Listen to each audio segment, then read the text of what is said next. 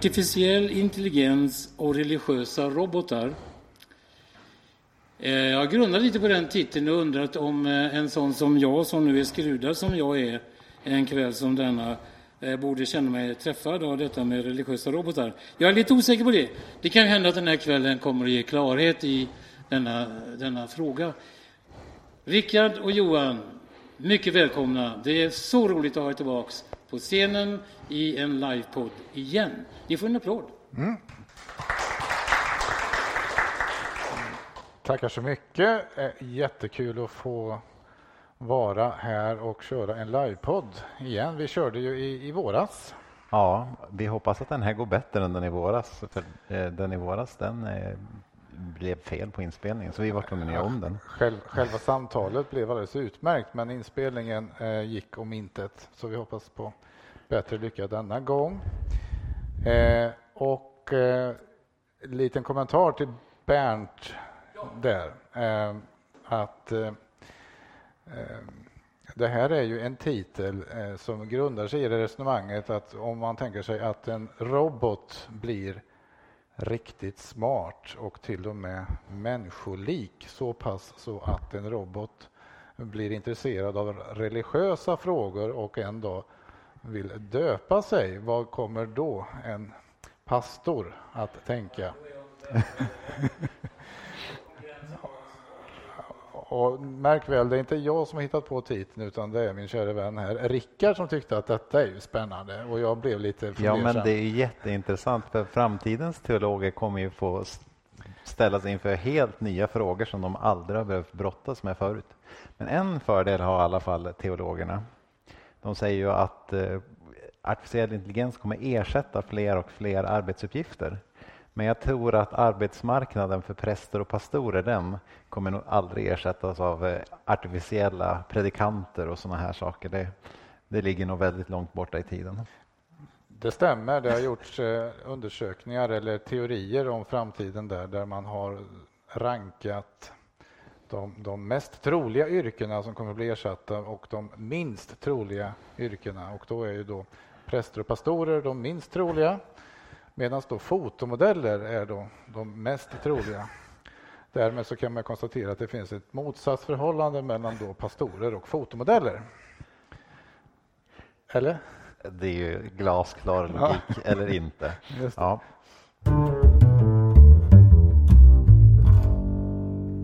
Vi, um, vi brukar ju börja de här kvällarna med att landa någon, starta i någon slags bibelord eller så eh, för att få eh, en teologisk touch på det ämnet som vi ska prata om.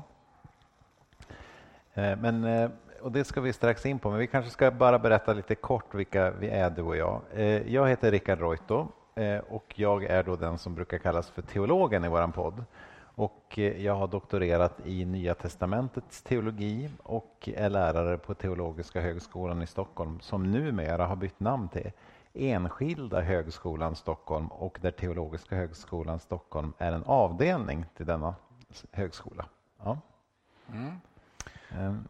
Och jag är den då som brukar kallas för ingenjören i den här podden och är den som oftast har blå skjorta. Till skillnad från teologer som har mer en spräcklig skjorta. Och eh, jag har också doktorerat i reglerteknik eh, som är ganska mycket handlar om, om eh, modeller och matematik runt det. Men nu så är jag mer som en vanlig ingenjör kan man säga. Och Johan heter du också? Ja, men Johan heter jag också, absolut. ja.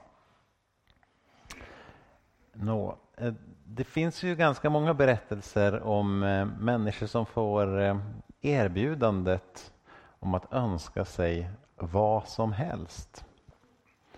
Och när man var barn så fantiserade man om jag fick tre önskningar av Aladdins eh, lampa, vad skulle jag önska mig då? Och så där.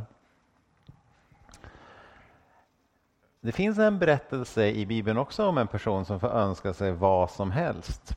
Och det är ju kung Salomo när han precis har blivit kung. Och det är i Första Konungabokens tredje kapitel. Och då kommer Gud till honom i en dröm och säger att till Salomo att eh, be om vad du vill och jag ska ge dig det. Och här har han ju chansen. att få vad som helst. Av alla saker han skulle kunna be om så ber han Gud om det här.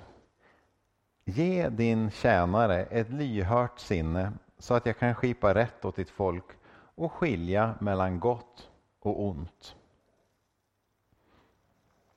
Det skulle jag inte ha valt när jag satt och fantiserade om de här sakerna när jag var barn. Den här berättelsen kan kontrasteras med eh, berättelsen om Midas.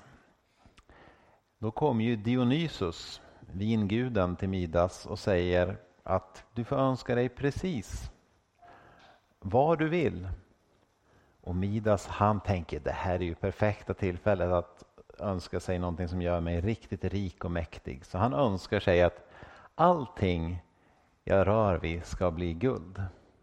Men det slutar ju i katastrof som ni kanske kommer ihåg från berättelsen. För så fort han ska dricka ett glas vatten så förvandlades ju både glaset och vattnet till guld. Och till slut när han ska ta på, jag tror det är sin dotter eller sin fru eller vem det nu är, så blir hon ju också till guld. Så det, det, hela hans liv slutar ju med sär. Och den här berättelsen tog jag upp därför att Johan, du när vi satt och förberedde det här, du berättade ju en ganska intressant berättelse om att man får tänka sig för lite grann vad man önskar sig när man ger en artificiell intelligens en uppgift i framtiden. Mm.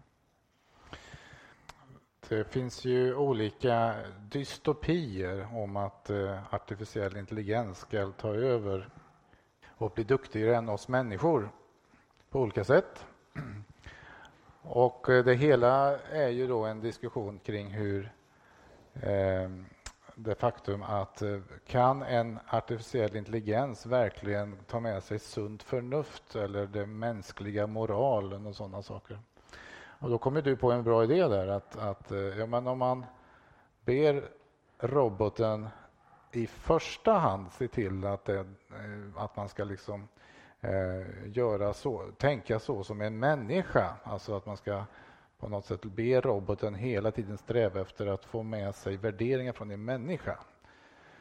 Eh, då är det som så att då kommer ju roboten att följa det till punkt och pricka. Eh, och då kan man ju också då problematisera det. Att betyder det att roboten ska följa eh, mänskligheten i stort vilja, det vill säga göra det som är bäst för alla människor? Eller ska den göra det som är bäst för en individ? Och det där kan ju gå galet åt båda håll. Ja. Men för om jag är då en väldigt ogenomtänkt individ, du tog ju ett jätteroligt exempel, om jag är en individ som säger att min högsta önskan är att du ska göra så många gem du kan. Det är det enda jag önskar mig av livet. Mm. Då kan ju den roboten eh, helt enkelt eh, gå över lik för att göra så mycket gem som möjligt. Om den kommer fram till att den kan skapa mer gem genom att dräpa halva mänskligheten så kommer den göra det. Då kommer den göra det. Den har alltså inget sunt förnuft kan man säga. Den kommer ju göra så som den är tillsagd eller programmerad att, att göra. Och det är det här mm. som är en utmaning, att vi nu börjar hamna i ett läge där det börjar bli viktigt att ha koll på vad är så att säga eh, de här spärrarna som vi människor i någon mening har. Och vi kan komma tillbaka vad de består i. Men tycker du att det, vems, eh, vems preferenser ska datorn försöka lära sig? Är det dina eller Bernts eller din frus? Eller? Ja. Ja, Donald man... Trumps eller vems preferenser ska den lära sig? Precis. Det är ju den stora frågan. Men ska vi prata lite grann om vad är artificiell intelligens? Ja, vi kanske ska börja i den änden. Ja.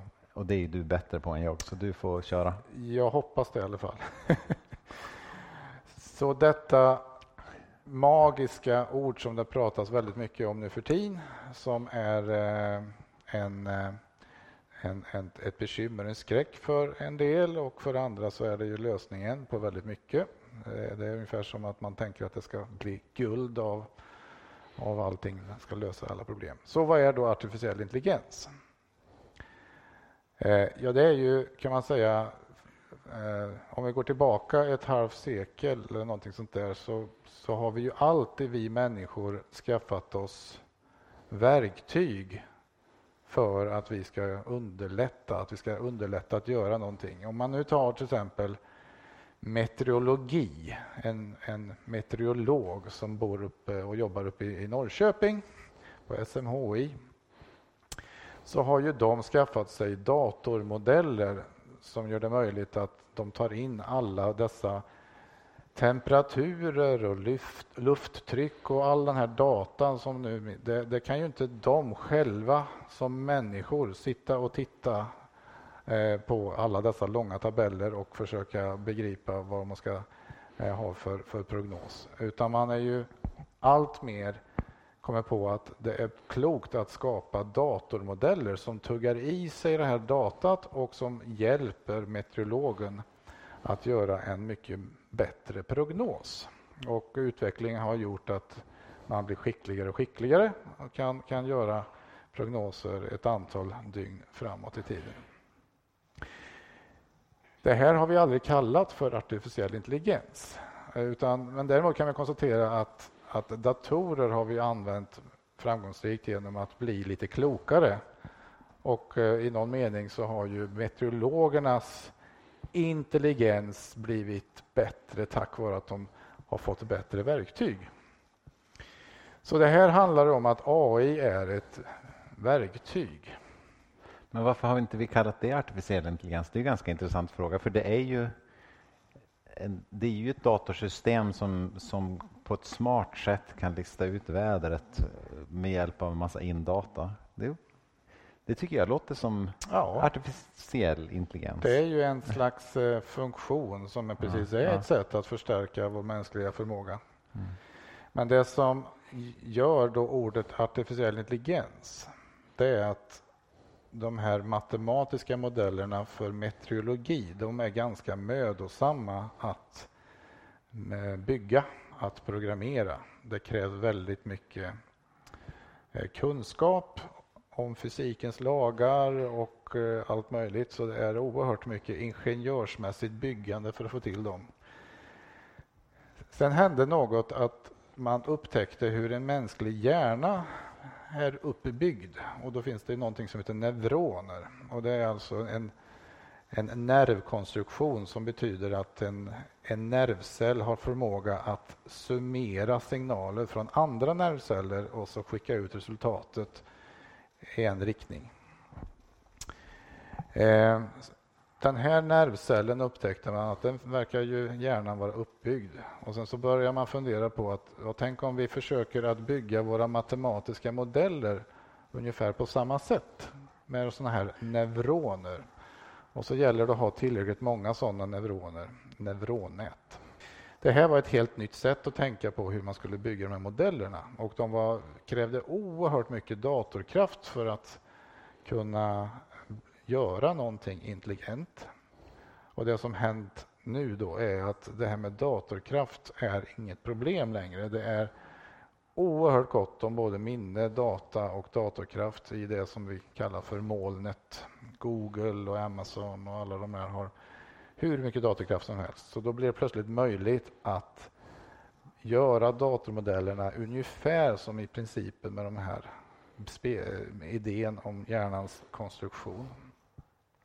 Och då visar det sig att plötsligt så går det att bygga matematiska modeller som gör ganska roliga saker. Alltså, man kan nu för tiden använda det för att till exempel tolka eh, språk.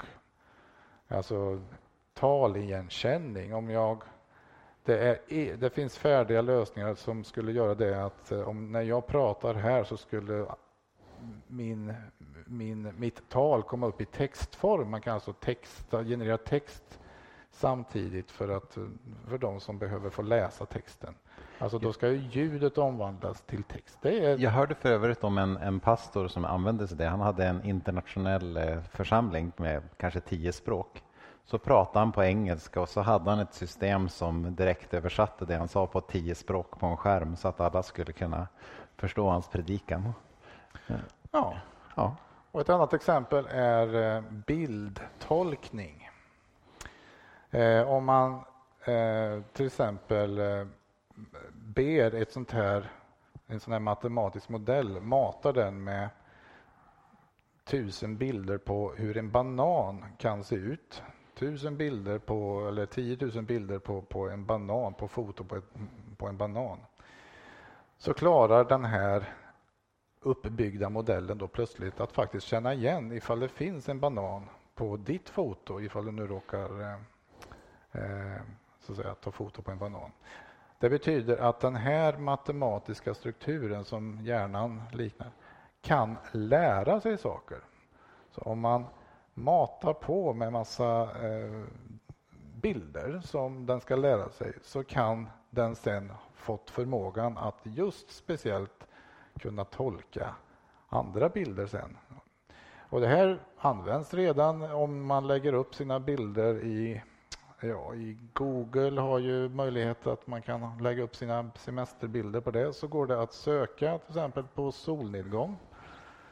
Ni behöver inte ha markerat vilka bilder som faktiskt är en solnedgång utan det tar Google själv hand om och då får ni fram de semesterbilderna där ni råkade ha lite solnedgång med på era foton. Och det är helt enkelt AI-algoritmer som är gjorda att göra den här ganska mänskliga förmågan. Därför att här har vi nu kommit till en gräns där det som tidigare man tänkte var helt omöjligt för datorer att lyckas klara av. Man tänkte att det är någonting som bara människor kan, kan göra, till exempel känna igen olika objekt på bilder eller taligenkänning.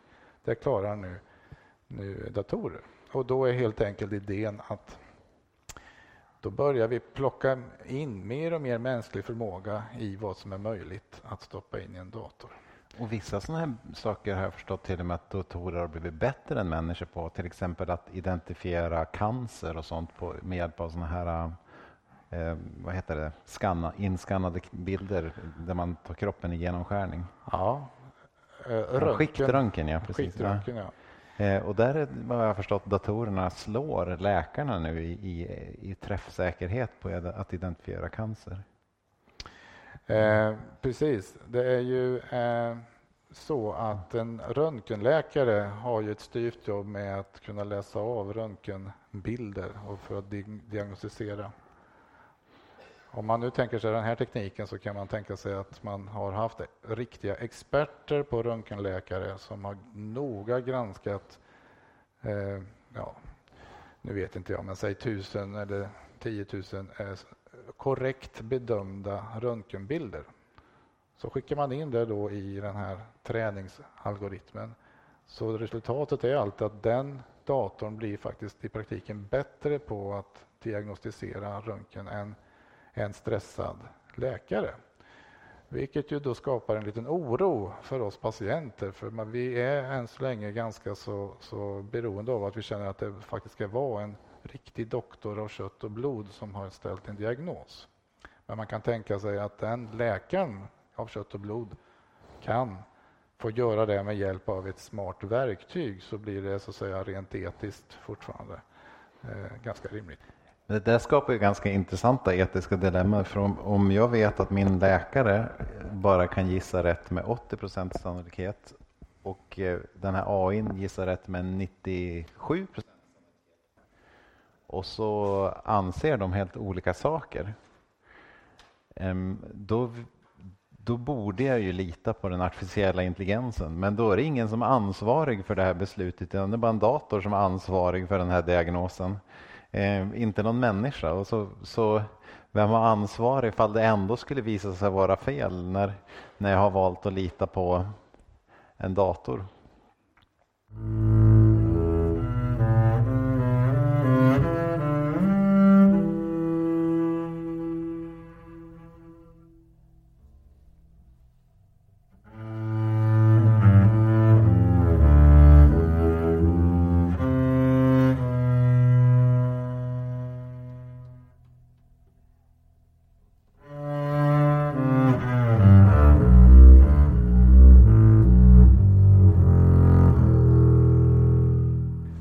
Började ju prata om etiska dilemman som artificiella intelligenser skulle kunna orsaka. Ett sånt här dilemma som har diskuterats mycket, så till och med jag har hängt med på det, det är det här ehm, när vi får självkörande bilar, som är ju min dröm i alla fall. Jag, jag tycker det är jättejobbigt att köra bil.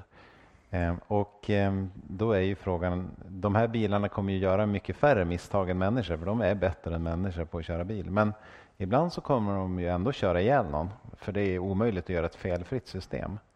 Och då måste man hitta på någon slags moralisk lösning kring vems fel är det? För det är ganska meningslöst att straffa bilen. Mm. Så. Vem, vem, ska liksom... Vem är moraliskt skyldig när, när, en, när en artificiell intelligens kör på eh, en människa?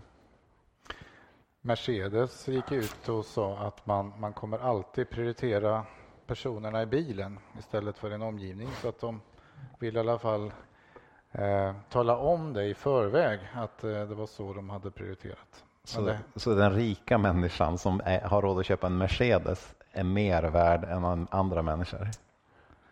Ja, alltså det blir ju mer intressant att äga förmodligen en sån bil som prioriterar mig. Det är aldrig sant. Ja. Men de fattiga människorna måste köra, köpa bilar som prioriterar människor som är utanför bilen lika mycket som en själv.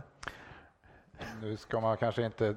Tanken är väl att man inte ens ska behöva köpa bilar eh, i, i framtiden. Mm. Ja, men man ska väl beställa fram en bil med, med, sin, med sin telefon eller någonting så kör den den dit man vill ha. Men då ska man alltså beställa fram en, en sån där lyxbil som prioriterar en själv. Mm. Det ja, det. det finns andra fabrikat ja, än detta precis. också. Bra, bra påpekande. Mm. Mm. Men det var, ja.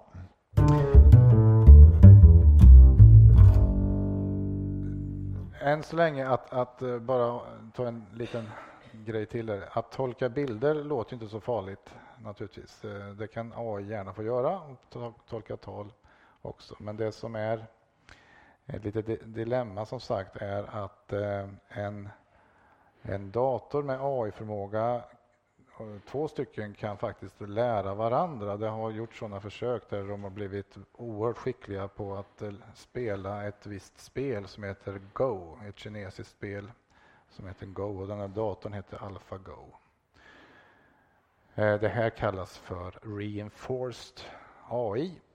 Men det hela går ut på att två datorer som bara får lära sig spelreglerna för det här spelet i övrigt är de hur korkade som helst, men de kan åtminstone vilket håll man får flytta de här pjäserna.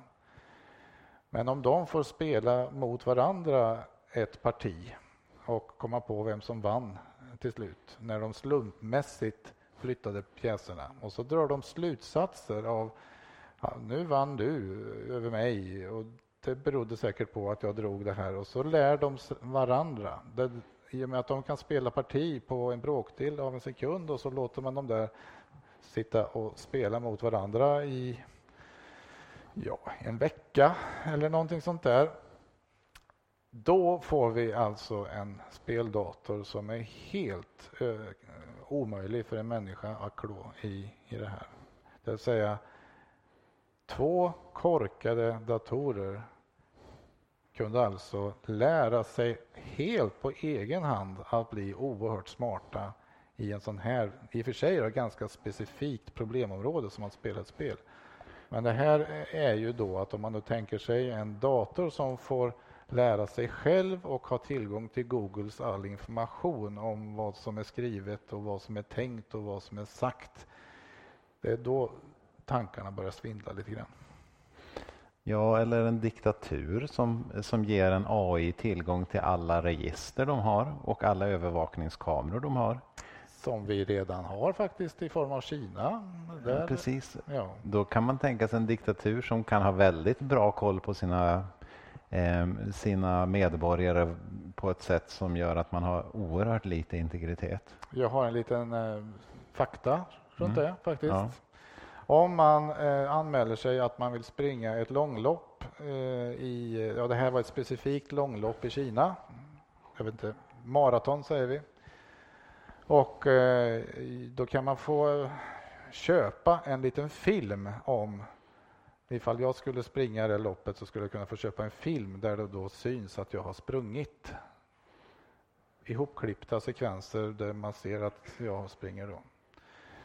Eh, det är bara det att det här är alltså inte tävlingen som har kameror längs eh, loppet utan i Kina så är det som så att alla privatpersoners filmande från privatpersoners mobiler de filmerna åker ju upp i det kinesiska molnet. Och så kan man där då helt enkelt applicera lite AI-intelligens som då råkar känna igen att Johan dök nu upp när de sprang på de här personernas privata filmer. Och så tar man och bara snor de sekvenserna där Johan springer och klipper ihop en fin, fantastisk eh, sekvens byggd av privata personers videofilmer och det tycker man inte är så konstigt där borta. Det är en annan sätt att tänka. Ja. Men det innebär ju att den, den, som vill använda den här tekniken för att få makt över andra människor kan få väldigt mycket makt över andra människor. Speciellt om man är den enda som har tillgång till den här tekniken, mm. tänker mig. Det kan vara ett, eh, mm. ett sätt att... Eh, det finns en hemma, hemmavariant på denna typ av makt. Har du tänkt på det? Jag tänker du på att man skulle installera sådana system i sina döttrars mobiltelefoner? Eller? Det, kan, det finns en liten tendens att, att de som är teknikintresserade och installerar... Eh, jag har döttrar, alltså det var därför jag sa döttrar. Det är inte så att jag tycker att söner behöver mindre bevakning, men jag, jag själv har döttrar. Ja. Ja, fortsätt. Ja. Om man är väldigt mm. teknikintresserad och installerar mm. en massa fin teknik hemma eh, och eh, kan styra ljus och kylskåp och allting mm. från sin mobiltelefon och det råkar vara en i familjen som kan behärska hela systemet och ingen annan. Och så åker denna person som behärskar detta iväg på någon tjänsteresa. Eller någon, då utövar man ju nästan lite härskarteknik faktiskt. För det blir inte så roligt att vara hemma där i det hemmet och inte kunna få ordning på, på, på saker och ting. Så att eh, teknik är ett sätt att eh, härska, så är det. Ja, eller när man åker iväg på tjänsteresan tänker man att de som är där hemma de kan nog klara sig med 19 grader medan jag är borta. Usch. Mm. Ja, vi tänkte vi skulle nysta lite grann i, i kring eh, vad AI kan bli i framtiden och vad det, vad det kan ha för, väcker för teologiska frågor också. Eh, att vad AI kan bli. För eh, Nu är det ju så då, som du säger att AI har blivit självlärande och vad jag har förstått så är man uppe i någon slags intelligensnivå som liknar typ insekter eller till och med möss. Eh, har jag sett någon som påstår att AI är på väg emot. Eh, och så där. Och de, de projicerar ju någon slags framtid där AI skulle kunna bli ja, men nästan lika smarta som oss. Och i, någon mening, eh, då, börjar, då börjar man ju fråga sig, suddas eh, eh, gränsen mellan artificiella intelligenser och människor ut på något sätt? Kan man i någon ände börja prata om till exempel sådana här frågor som kan en artificiell intelligens ha fri vilja och vad är det för någonting mm. i sådana fall? Begreppet fri vilja är ju intressant. Det är ju eh, förmodligen ett ämne för ett helt eget, äh, eget program. Eh, en liten reflektion så här i valtider. Alltså den demokratiska principen är ju att alla medborgare har en, en röst baserad på någon slags informerad fri vilja. Eh, trick. Problemet är att om man tittar på hjärnforskningen där den är idag så kan man alltså genom att applicera elektroder på hjärnan i princip se händelser i hjärnan redan innan personen i fråga har faktiskt medvetet fattat sitt beslut. Så att en forskare som tittar på hur man mäter signaler i hjärnan kan alltså se i förväg vad beslutet kommer bli innan försökspersonen faktiskt själv har kommit fram till vad beslutet är. Det vill säga man kan egentligen säga att var finns den fria viljan eller är det som så att allting är en konsekvens av tidigare slutsatser, intryck, påverkan och så vidare? Och vi har egentligen inget konkret att ta på vad som är fri vilja. Och det betyder också då att egentligen är det samma sak med en, en dator som vi betraktar som väldigt eh, omedveten. Men vad en dator är, är ju att den tar ju observationer, beräknar resultat, mellanresultat som i sin tur håller på att resonera lite grann samma sak. Så då skulle man alltså säga att eh, nej, men det, är, det är samma sak, det är ingen skillnad. Och fri vilja kanske inte ens existerar. Vad säger du då?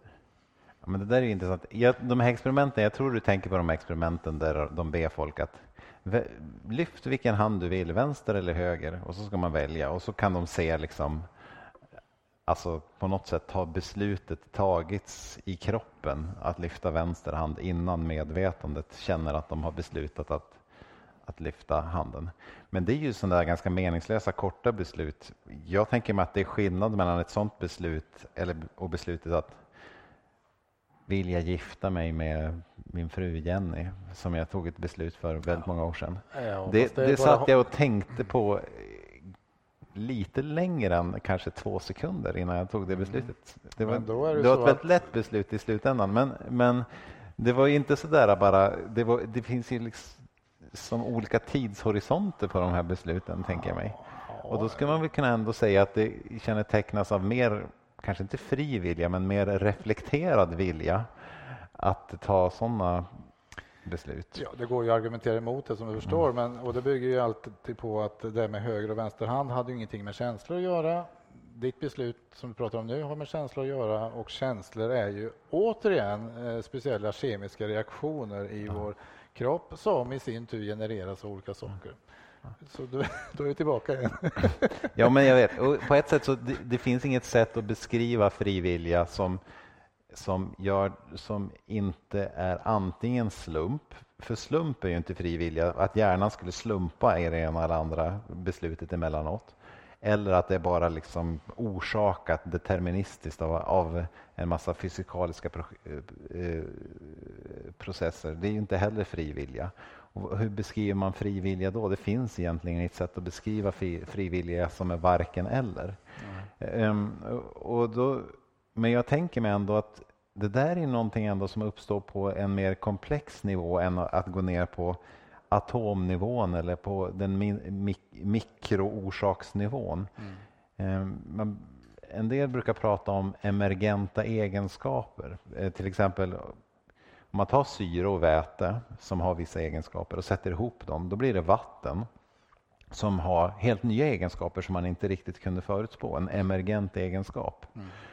Ehm, om man eh, tar massor med atomer och proteinkedjor och allt möjligt och sätter ihop dem så blir en människa som har egenskaper som är mycket, mycket mer komplexa än de här proteinkedjorna och allting som, som vår kropp består av. Så man kan säga att på den här mera systemnivån, den här komplexa nivån där massor med olika små komponenter interagerar med varandra så uppstår det emergenta egenskaper, alltså upp, upp, egenskaper som uppstår i samspelet mellan massor med små, små processer. Mm. Och då, I någon mening så är jag beredd att tänka på fri vilja som en emergent egenskap. Alltså det, visst, kanske i någon ände så är alla våra tankar orsakade av något fysikaliskt förlopp, men på systemnivå, den här oerhört komplexa saken som är vår hjärna, så kan man ändå säga att där pågår någonting som vi med rimlighet kan kalla för fri, mm. fri vilja i och med att vi gör val och så.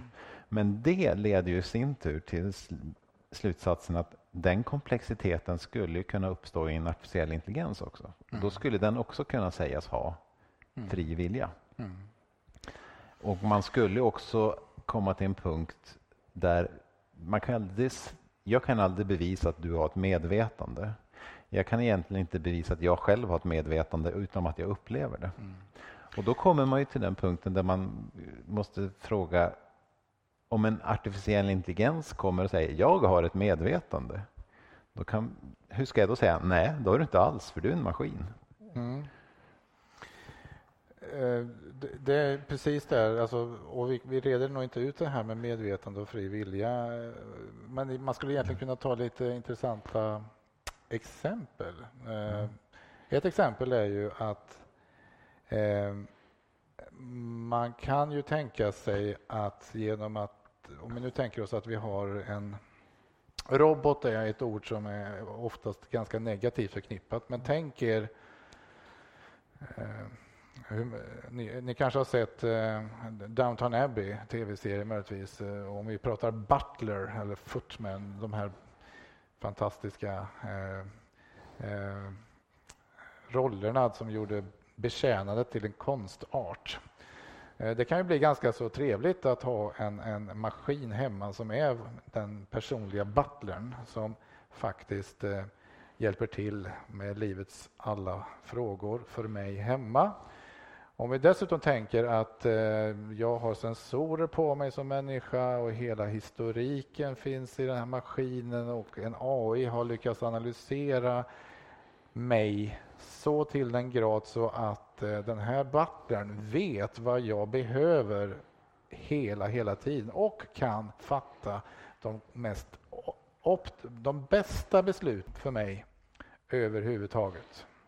Till exempel att eh, butlern säger till mig var jag ska äta lunch någonstans och vilken rätt jag skulle ta på den restaurangen så att jag får en välbalanserad kost eftersom jag sen om några dagar kanske ska göra någon typ av motionslopp, vilket i det fallet är Rickard och inte jag. Eh, så att hela tiden fatta kloka beslut, vilken buss jag ska ta, hur länge jag borde sitta här och fortsätta. Jag blir rådd och coachat i alla livets delar. Vad kommer hända med mig då? Ja, vi kom ju fram till där att förmodligen så kommer man bli så himla less på den här butlern så till den grad så att man till slut bara blir lite full i sjutton och äter lösgodis i driver för att bara gå emot den här maskinen. Ja, precis, den här det... viljan att få ta, jag måste få ta mina dåliga beslut. Oh. Ja, och då kan man fråga, är det det sant mänskliga just förmågan att ibland vill man ta riktigt usla beslut? Ja, är det det sant mänskliga? Men du har ju en tes, jag tycker den är så intressant att, att eh, när, vi ut, när vi i framtiden har utvecklat den här typen av intelligenser, då kommer vi bättre förstå vad som är det sant mänskliga. Och det kanske är det där som är det sant mänskliga. Vår rättighet och vilja att få ta lite dåliga beslut ibland. Ja, det, ja. det kan vara en sån sak. Det finns ju eh, eh, Turing, eh, han som eh, matematikern som är uppfinnare av datoralgoritmerna och som eh, lyckades hjälpa till att lösa Enigma-kodaren i andra mm. tyskarnas eh, kodmaskiner. Det, han har ju formulerat ett test eh, runt detta, för han kunde förutse att datorer skulle bli väldigt smarta. Och det är att om man har en människa i ett rum och en dator i ett annat rum och både människan och datorn får kommunicera med hjälp av text mellan sig och omvärlden så kommer det en annan människa också att få kommunicera med den här människan i rummet och med datorn i, i andra rummet, också med text. Om den människan omöjligt kan eh, så att säga, räkna ut i vilket rum det sitter en riktig människa och i vilket rum det sitter en maskin, då har vi nått en punkt där maskinen har blivit eh, så att säga, likadan som en människa, när det inte går att observera en skillnad.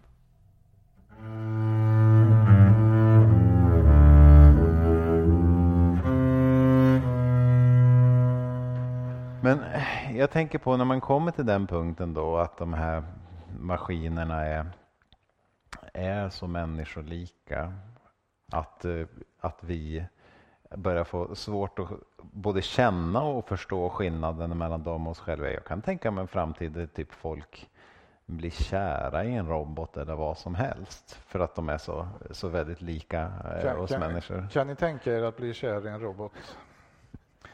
Det verkar vara en viss skepticism här. Ja, men... men jag har ett exempel på att detta redan eh, väl har hänt. Det var för ett antal år sedan så var det en leksak eh, som en japanskt företag eh, hade hittat på som hette Tamagotchi. Ja. En liten fånig dosa eh, som byggde på att man var tvungen att trycka på knappar för att mata den. Annars så blir den ledsen. Ja, och folk fick ju verkliga omsorgskänslor om den här Tamagotchi och grät när den dog och sådär. Ja. ja. En liten simpel fånig plastsak som genererar eh, sorg i ja. människohjärtat. Ja, precis. Men det jag tänkte komma till att när, när den, den varelsen har kommit till den här nivån och då, då, då sätts ju den här frågan på sin spets, teologiska frågan på sin spets. När, när vi i kristen tradition säger att människan har ett unikt okränkbart människovärde och att vi är Guds avbild. Vad menar vi med det? Um, kan man komma till en punkt där man säger att nej men nu är också de här maskinerna Guds avbild? Och Det beror ju lite grann på vad vi menar med Guds avbild. För en möjlig betydelse av Guds avbild det är ju att ja, men vi är Guds avbild i meningen att vi ska försöka vara goda och rättfärdiga. Det är till exempel tanken i Efesierbrevet 4 att, att, vara Guds, att bli Guds avbild är att vara god och rättfärdig. Då kan vi komma till en framtid där de här artificiella intelligenserna är faktiskt godare än oss människor. De är mer moraliska. Vi är, och vi är sämre än dem. Och, är de då mer Guds avbild än oss? Och då menar du att en, en, en AI är i någon mening så eh, okränkbar så den gör alltid det goda? Man skulle ju i alla fall kunna tänka sig att det är möjligt att göra en sån AI. Man skulle säkert kunna göra en jätteond AI också. Men, ja, jo, men, men man skulle ju kunna göra en AI som inte blir vansinnig lika snabbt och skriker åt folk till exempel. Det borde vara ganska enkelt att bygga. För vi människor är ju inte alltid så stabila i våra känslor. Um. Så att om, om uppgiften att vara en Guds avbild är just det att man ska vara göra det goda, det är det som definierar. Ja. ja. Ja, en, annan, en annan förståelse av att vara Guds avbild det är ju till exempel att när man läser i skapelseberättelsen så, så tycks det ju ha väldigt mycket med att eh, man har fått, vi människor har fått i uppdraget att härska över skapelsen. Det vill säga att vi ska vara Guds Eh, medskapande hand in i skapelsen och, se, och, bidra till att skapelsen fortsätter att vara god. Och det kan man, den tanken kan man använda för att prata om till exempel om människans miljöansvar och sådär. Att vi har ett ansvar inför skapelsen. Men man skulle också kunna ställa den frågan, det kan ju komma till en punkt där en artificiell intelligens faktiskt är bättre på att ta hand om skapelsen. Eh, borde vi då skänka det uppdraget till en, eh, en artificiell intelligens? Vi säger till den här artificiella intelligensen, du får ta hand om det här med att rädda miljön, för vi människor klarar inte det. Du får styra upp det åt oss. Eh, du får ta över det här uppdraget att, eh, att vara Guds avbild, för vi klarar det inte. Mm.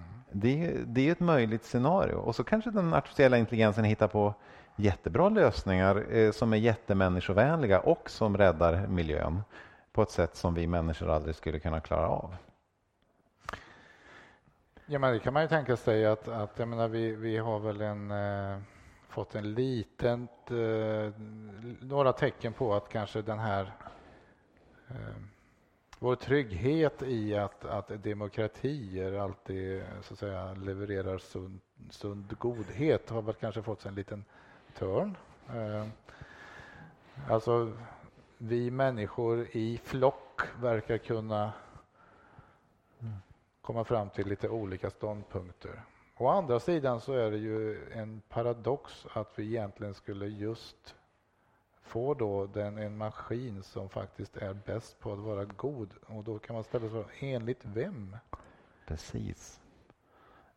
Det är en väldigt intressant fråga. För man skulle kunna till exempel tänka sig att eh, någon ledare för eh, Isis eller Al-Qaida eh, får bestämma vad som är gott och försöker omvandla hela mänskligheten till, ett, eh, ja, till kalifatet helt enkelt.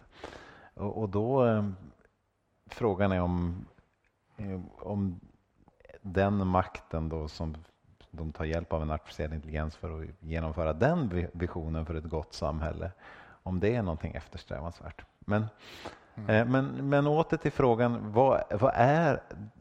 Jag har inga självklara svar på den här frågan, men tanken på att vi själva kommer kunna skapa varelser som är på, på många sätt bättre människor än oss själva i några betydelser av vad det innebär att vara människa gör ju att vi verkligen måste brottas med frågan vad, säg, vad menar vi med att, vara, att vi är Guds avbild?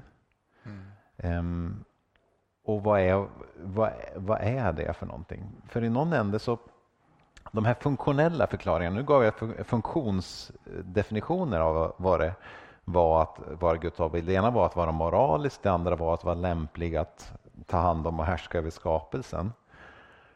De, de definitionerna underkänner ju i, på något sätt till exempel en gravt handikappad människa som inte har så mycket intellektuella förmågor och, och kanske mest och inte kan knappt röra sig eller sådär. Men vi säger ju inte att en sån person är mindre människa. Det säger vi ju inte. Nej. De är ju också fullvärdiga människor, punkt slut. Mm. Så, så vår känsla för, för det här okränkbara män, människovärdet tycks inte bara sitta i att vi människor har unika funktioner som inte djuren har till exempel. Mm. Men vad är detta som, som gör eh, just våra, vårt uppdrag här på jorden så unikt? Mm. Det behöver vi verkligen brottas med. Men är inte det lite eh, eh på ett sätt eh, hoppfullt?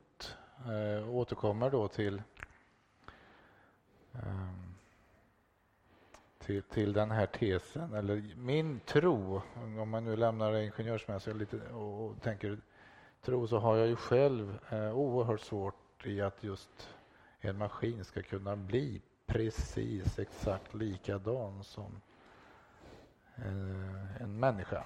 Eh, men den kommer att bli väldigt, väldigt, väldigt kapabel. Maskinen kommer vara väldigt eh, oerhört stora likheter på olika sätt.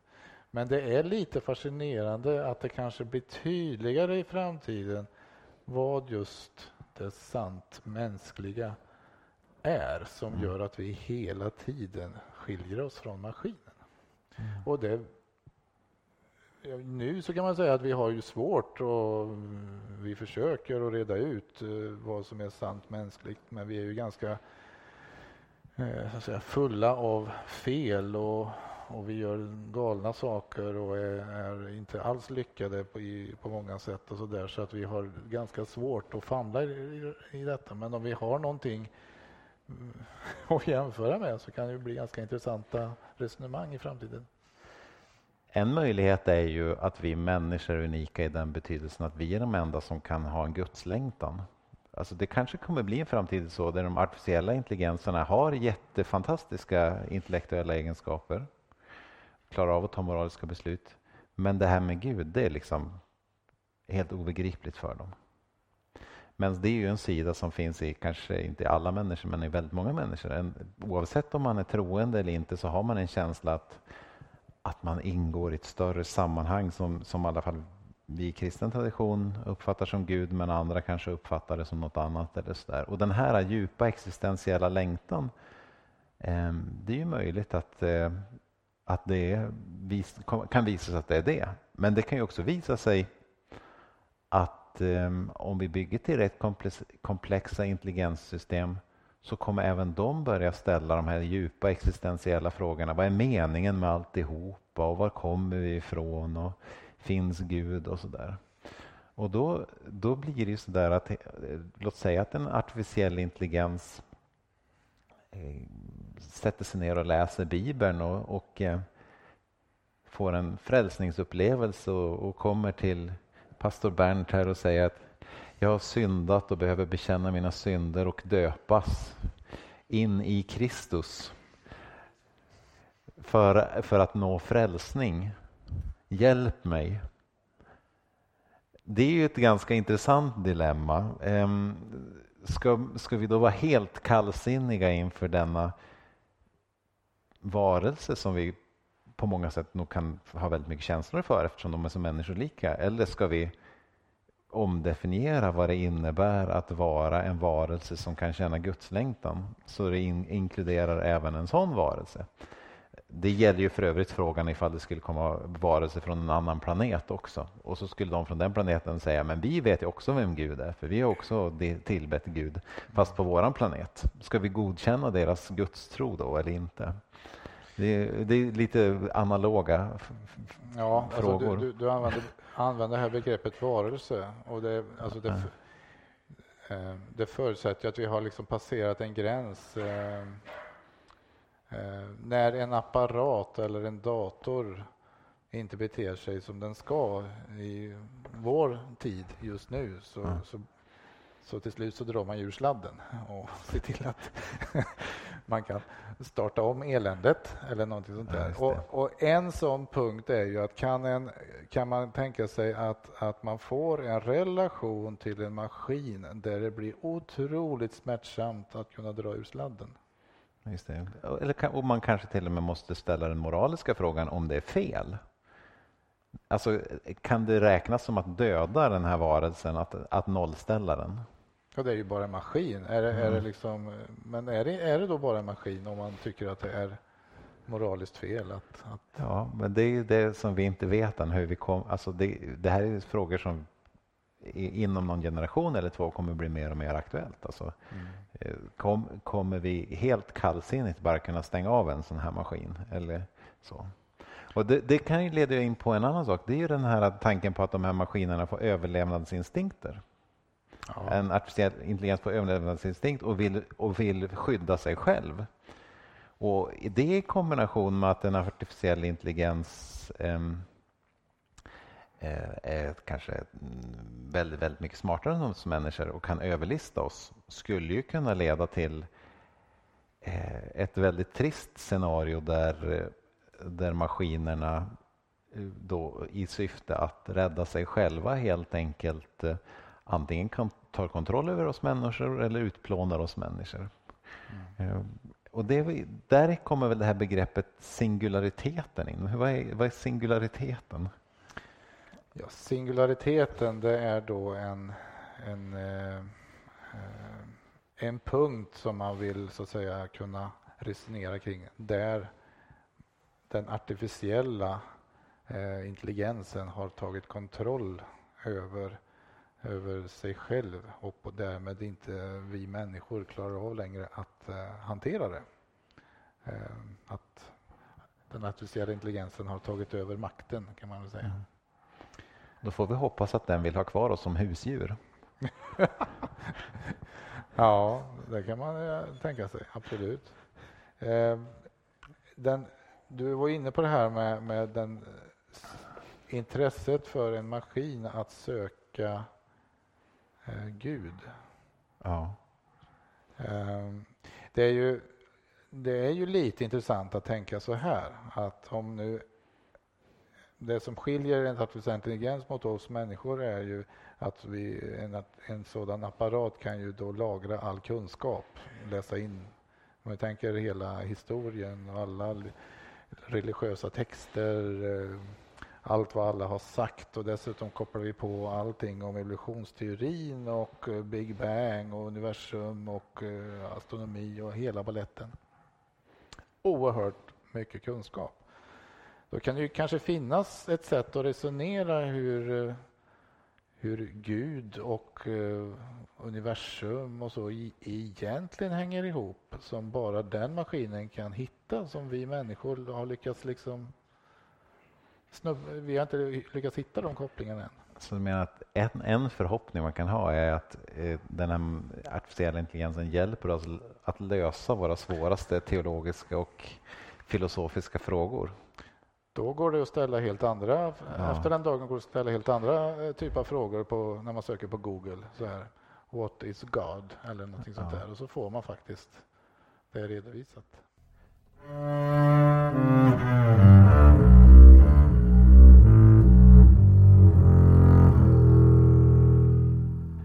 börjar vi prata om, det här är ju så här, nu förstår ni att vi är inne i såna här riktiga framtidsvisioner där, där, där eh, alltså de här artificiella intelligenserna är då tusentals gånger eh, intelligentare än oss människor och sådär.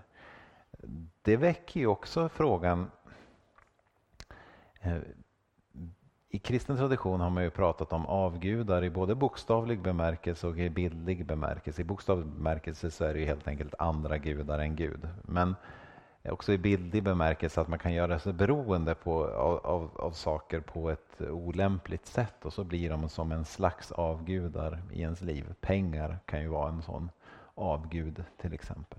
Och här har vi ett scenario där, eh, där man måste i någon ände bara ställa sig frågan kan en sån här artificiell intelligens eh, börja bli ja, som en avgud, att man gör sig liksom mer beroende av det och mer förtjust i det än vad som är bra för en själv. Mm. Eh, och Frågan blir väl kanske lite extra akut eftersom väldigt ofta när man ber till Gud så händer inget särskilt. Men när man ber den här artificiella intelligensen som vi pratade om, om någonting så fixar de det väldigt, den det väldigt snabbt. Så då tycks ju den här artificiella intelligensen vara ganska mycket mer effektiv än Gud mm. um, i, i detta framtidsscenario. Ehm, så där är det ju verkligen viktigt att, att brottas med de här frågorna kring ja, kommer vi att göra oss olämpligt beroende av de här artificiella intelligenserna? Det gör vi väl nästan redan idag. Jag menar att eh, de här sociala medierna med Algoritmerna som styr vad som visas i, i vår Facebook är definitivt en slags artificiell intelligens som ju eh, styr vad det är vi ska påverkas av och vilka annonser vi ska se och så. Och det där påverkar oss mycket, mycket mer än vad vi faktiskt eh, eh, inser. Vi påverkas väldigt mycket av den här apparaten, mobiltelefonen som håller i Eh, i handen just nu. Mm. Det är ju det är en fråga hur definierar man en avgud? Men, eh, ja, jag avgör både den här metaforiska och bokstavliga betydelsen. Ja, ja. Eh, det kanske, vi får hoppas att det aldrig kommer till en punkt där vi går ner på knä och tillber mm. en viss artificiell intelligens. Så ska vi fundera lite grann på att nu, nu sitter vi i en situation här där eh, mänskligheten har, eh, ja, sedan upplysningen eh, kommit på att det här med naturvetenskap och ett logiskt resonemang verkar vara ett kraftfullt verktyg som sen gjorde att vi fick eh, maskiner och industriella revolutionen och det gjorde att vi hade möjlighet att mycket effektivare konsumera diverse naturresurser och se till att det blev mindre svält och mera kläder på kroppen och massa sådana saker. Och nu har vi då, nu är vi mitt i nästa Eh, eh, industriella revolution där den här informationsrevolutionen med den artificiella intelligensen håller på att växa fram. Detta har vi i mänskligheten skapat. Eh, ja. Så måste detta vara ont? Nej, det tror jag inte. Jag tänker mig att i allting vi människor har gjort, inklusive att komma på hur man klyver atomer, så har vi ju haft ett val mellan att använda det på ett Salomo-sätt eller på ett Midas-sätt. Det vill säga antingen funderat på hur använder vi det här på ett klokt sätt eller hur använder vi det på ett girigt sätt. Och menar, alla teknologier har använts till både ont och gott. Och eh, det vi ser framför oss det är en väldigt kraftfull teknologi som kanske kommer kunna användas till ont och gått på ett väldigt svindlande sätt. Mm. Um, och då tänker jag mig att det, det kristen tradition säger det är vi är Guds medskapare. Vi ska inte passivt bara hålla i bromsen och försöka stoppa allting nytt. Utan vi ska liksom använda vår kreativitet och intelligens till att försöka göra någonting gott. Och, och artificiell intelligens kommer säkert absolut kunna göra mycket gott. Men vi, det är just det att vi har det här moraliska ansvaret att be som Salomo om vishet, att se skillnaden mellan ont och gott och att eh, helt enkelt eh, göra eh, de rätta valen även med den här teknologin. Mm. Så på samma sätt som man kan tacka Gud för ångmaskinen en gång i tiden så kan vi också tacka Gud för, för förmågan att eh, hjälpa oss att eh, stödja vår tillvaro och vår vardag. Eh, när jag eh, kommer behöva ha hemhjälp kanske någon gång om hur många år det nu är, då kanske det är som så att det finns jag föredrar att få så att säga, en robot att uh, ta hand om mig på toaletten istället för en människa, till exempel. Mm. Ja, det är väl så ett det... bra exempel där du skulle kunna få bättre integritet tack vare en sån. Skulle jag få bättre integritet, ja precis. Ja, precis. Så uh, vi är ju alla Guds medskapare. Det var mm. det som är slutsatsen. Ja, och att vi bör ta det ansvaret. Mm.